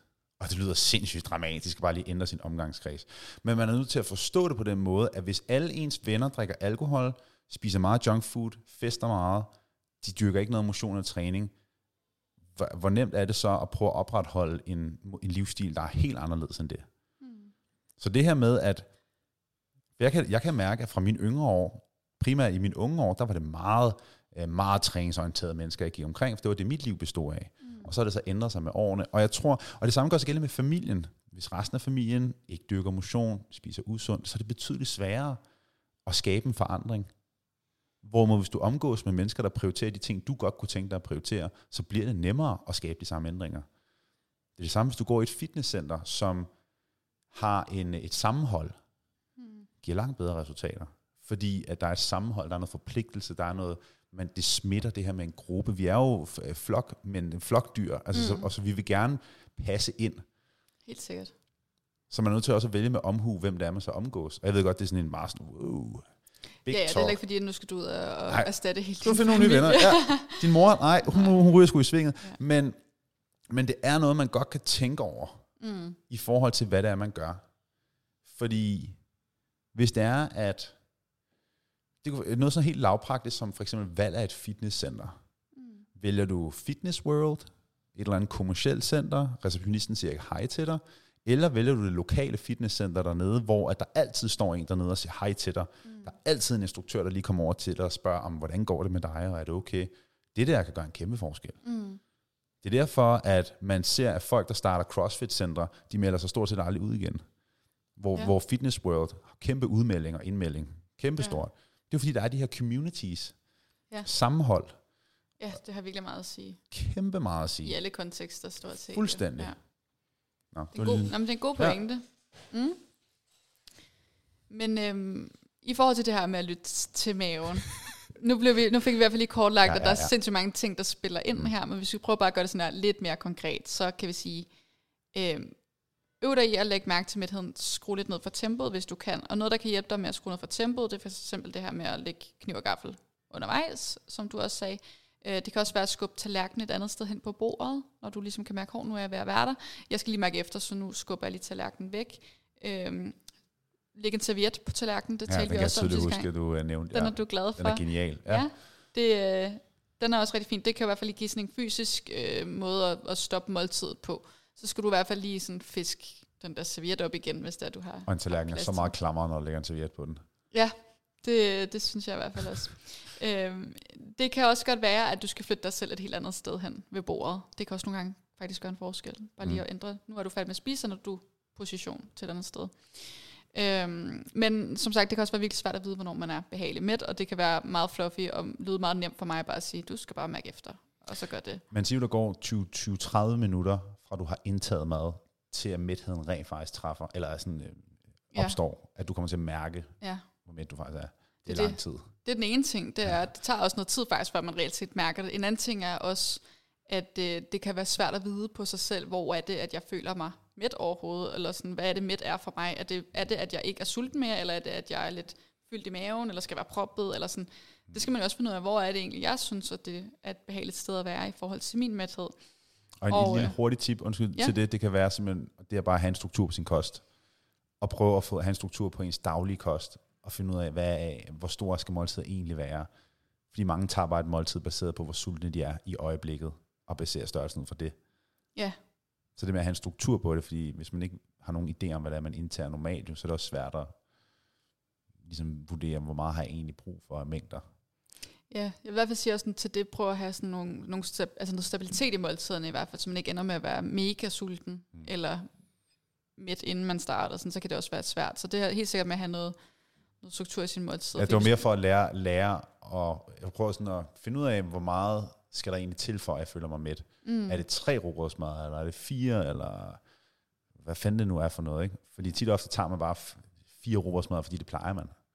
Ja, hvis man er her sulten, så kan man også nemt komme til at overvurdere sin, ja. sin appetit i virkeligheden. Ja. Altså øh, nemt. Det tror jeg også mange af jer skal mm. genkende. Og så er det først på bagkanten, for det var faktisk lidt for meget. Ja. Men, men det er også en, en god erfaring. Nu snakker jeg meget omkring det med erfaringer, men det er også fordi, jeg synes virkelig, det er der, at man udvikler sig mest. Øhm, så prøv generelt i alt det her, men især det her med, også med mæthed, sådan, se det som et eksperiment, hvor du skal indsamle data. Øh, hvis der er nogen, der ligesom mig også har læst øh, peruk og lavet forskningsprojekter eller andre steder, så, så er det her lige noget, der taler ind i, i deres øh, tankegang. Men, men det her med sådan indsamle noget data, hver gang du, du spiser noget, du får spist dig ud over din mæthed, så har du noget nyt data til, til det her eksperiment, du er i gang med at lave. Så ved du lidt mere om sådan, hov, det var faktisk lidt for meget. For eksempel sige, hov, jeg, faktisk, jeg var lidt for meget med, da jeg tog fire robrødsmad, så kan jeg prøve med tre og tre og en halv, eller hvad nu er. Altså helt tiden se det som en, en udviklingsmulighed, eller sådan en læringsmulighed. Og det var faktisk noget af det, Karina og jeg også lige snakkede om på den forrige, ja. det her med, hvordan skal man gå til en social aktivitet, eller man skal ud og spise med familien, eller hvad det måtte være. Det her med, at så man kan få nogle strategier, man kan få nogle, nogle retningslinjer, men man er faktisk tit og ofte nødt til at se det som et eksperiment, og prøve mm. at, at gå lidt efter, hvad er det, man godt kunne tænke sig at ja. opnå ud af det her, og så prøve at eksperimentere med det, frem for at have nogle klare regler om det. Ikke? Ja. Og det er ligesom som, man jo også sådan med træning for eksempel, det kan være det nemmere for nogen at relatere til, men for eksempel snakker vi også hele tiden om, sådan, om du skal, man skal træne hårdt. Sådan, hvad er det mm. egentlig? Så nogle gange så er man jo nødt til at træne så hårdt, at man faktisk ikke kan træne mere. Altså træne, tage 15 sæt, hvor det sidste sæt, du kan ikke løfte vægten mm. en eneste gang mere, så er du nået altså, til komplet udmattelse. Og det er det samme med, at nogle gange du er også nødt til lidt at sådan spise ind for, for grænsen, altså ramme grænsen for at finde ud af, hvor den overhovedet er henne. Mm. Så for eksempel, hvis du kan sige juleaften, jeg er mega proppet, har det her dårligt, så har du ligesom fundet, okay, så var min grænse i hvert fald der, nok måske lidt før. Og det er man nødt til at eksperimentere lidt med, for du kan ikke vide det på forhånd nødvendigvis. Mm. Især hvis det ikke er noget, man har tænkt over før. Spændende. Det er faktisk lidt ligesom at være, at være disciplineret. Du ved jo ikke, hvad det vil sige, eller nej, fanatisk, lad os bare sige mm. det, eller være ekstrem.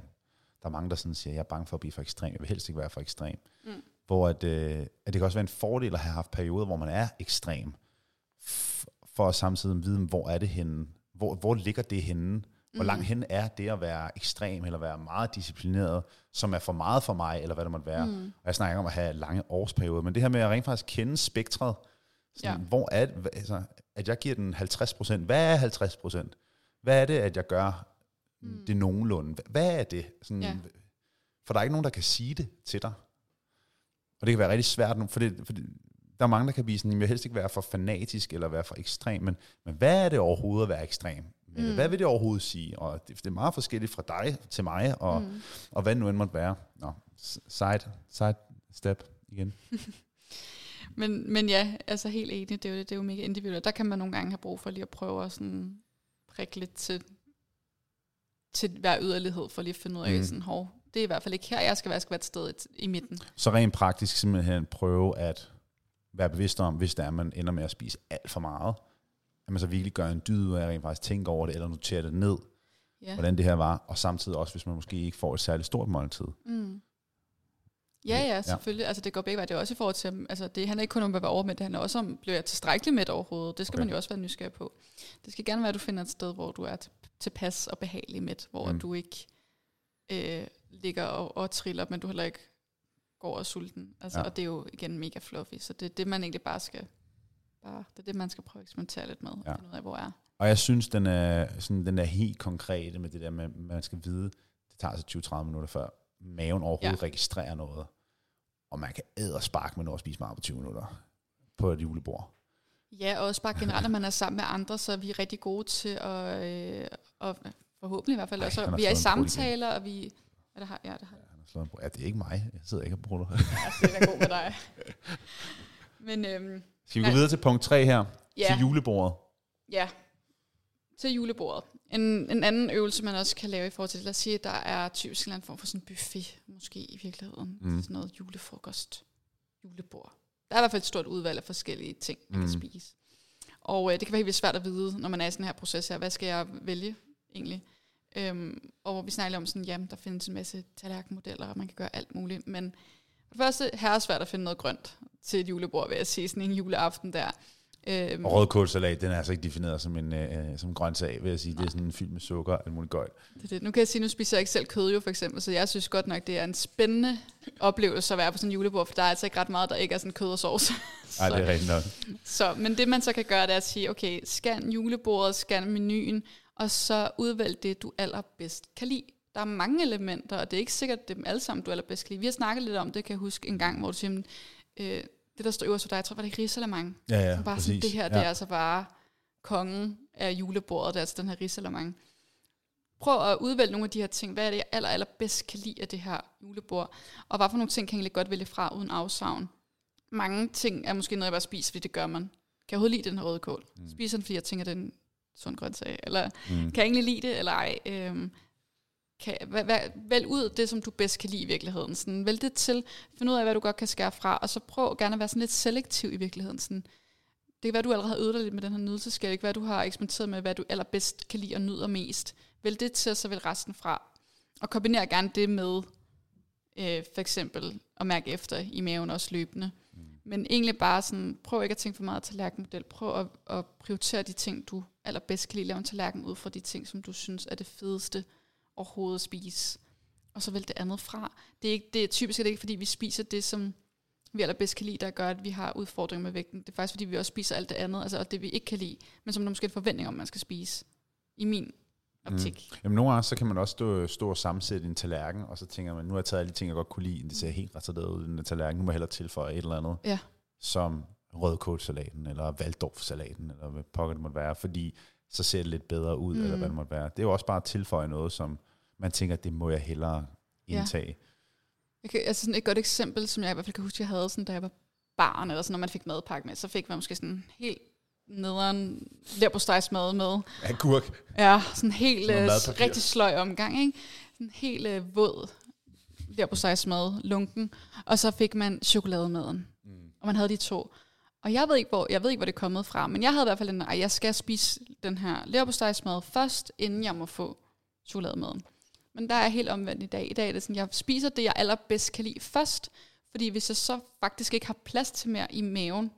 Så spiser jeg jo ikke begge dele, fordi hvis jeg ved, at jeg rigtig gerne vil have chokolademaden, så spiser jeg måske både leverpostejsmaden, fordi jeg tænker, det skal jeg, og så spiser jeg også chokolademaden, fordi det er den, jeg har glædet mig til at rigtig gerne vil have. Så på den måde, så får man faktisk spist to ting, men man har måske kun plads i maven til den ene. Så hvorfor ikke sørge for, at den plads bliver brugt på det, du bedst kan lide? Og det hænger godt sammen også med det med slikket for tidligere, med at vælge store vælge blandt selv slik. Ja. ja. Vælg det, du bedst kan lide. Fordi nogle gange giver det ikke, fordi det, det hele det stammer fra det der med, at man skal spise grøntsagerne først, og man skal spise det sunde, i gåsøjne det sunde først, eller hvad det må være. Mm. Ikke? Men man, man kan bare ikke altid gå efter også at implementere i gåsøjne sund mad mm. til måltider, fordi nogle gange kan det også vist blive påtvunget, at man sidder og spiser ekstra af gåsøjne sunde ting, for at bare, fordi det er sundt. Eller, ja, hvis man i hvert fald har en idé om, at det ja. er det. Øh, man sætter, det er jo også en måde at sætte noget op på en pedestal, at man siger, ja. det er ekstra sundt. Ligesom at noget kan være ekstra syndigt, eller ekstra usundt, eller et eller andet. Men mm. jeg, vil, jeg vil sige sådan, og det er både min egen oplevelse af, i min egen sådan, udvikling med mad, men også bare generelt i arbejdet herinde, det er, at når du prøver at arbejde med ikke at få det til at være sådan enten eller sundt, usundt, din dun datten, at det kun er nu, nu eller aldrig, også det vi snakker om helt i starten her af afsnittet, som er blevet langt, det, det er, at de fleste vil faktisk opleve, at du har lyst til mange flere typer af fødevarer, du har lyst til mange flere ting. Så nogle gange så vil det være leverpostejsmaden, du faktisk har mest lyst til første gang, når det ikke har nogen øh, særlig værdi mm. længere. Det er i hvert fald det, jeg oplever, at det der sker oftest. Mm. Så, øhm, så prøv det af.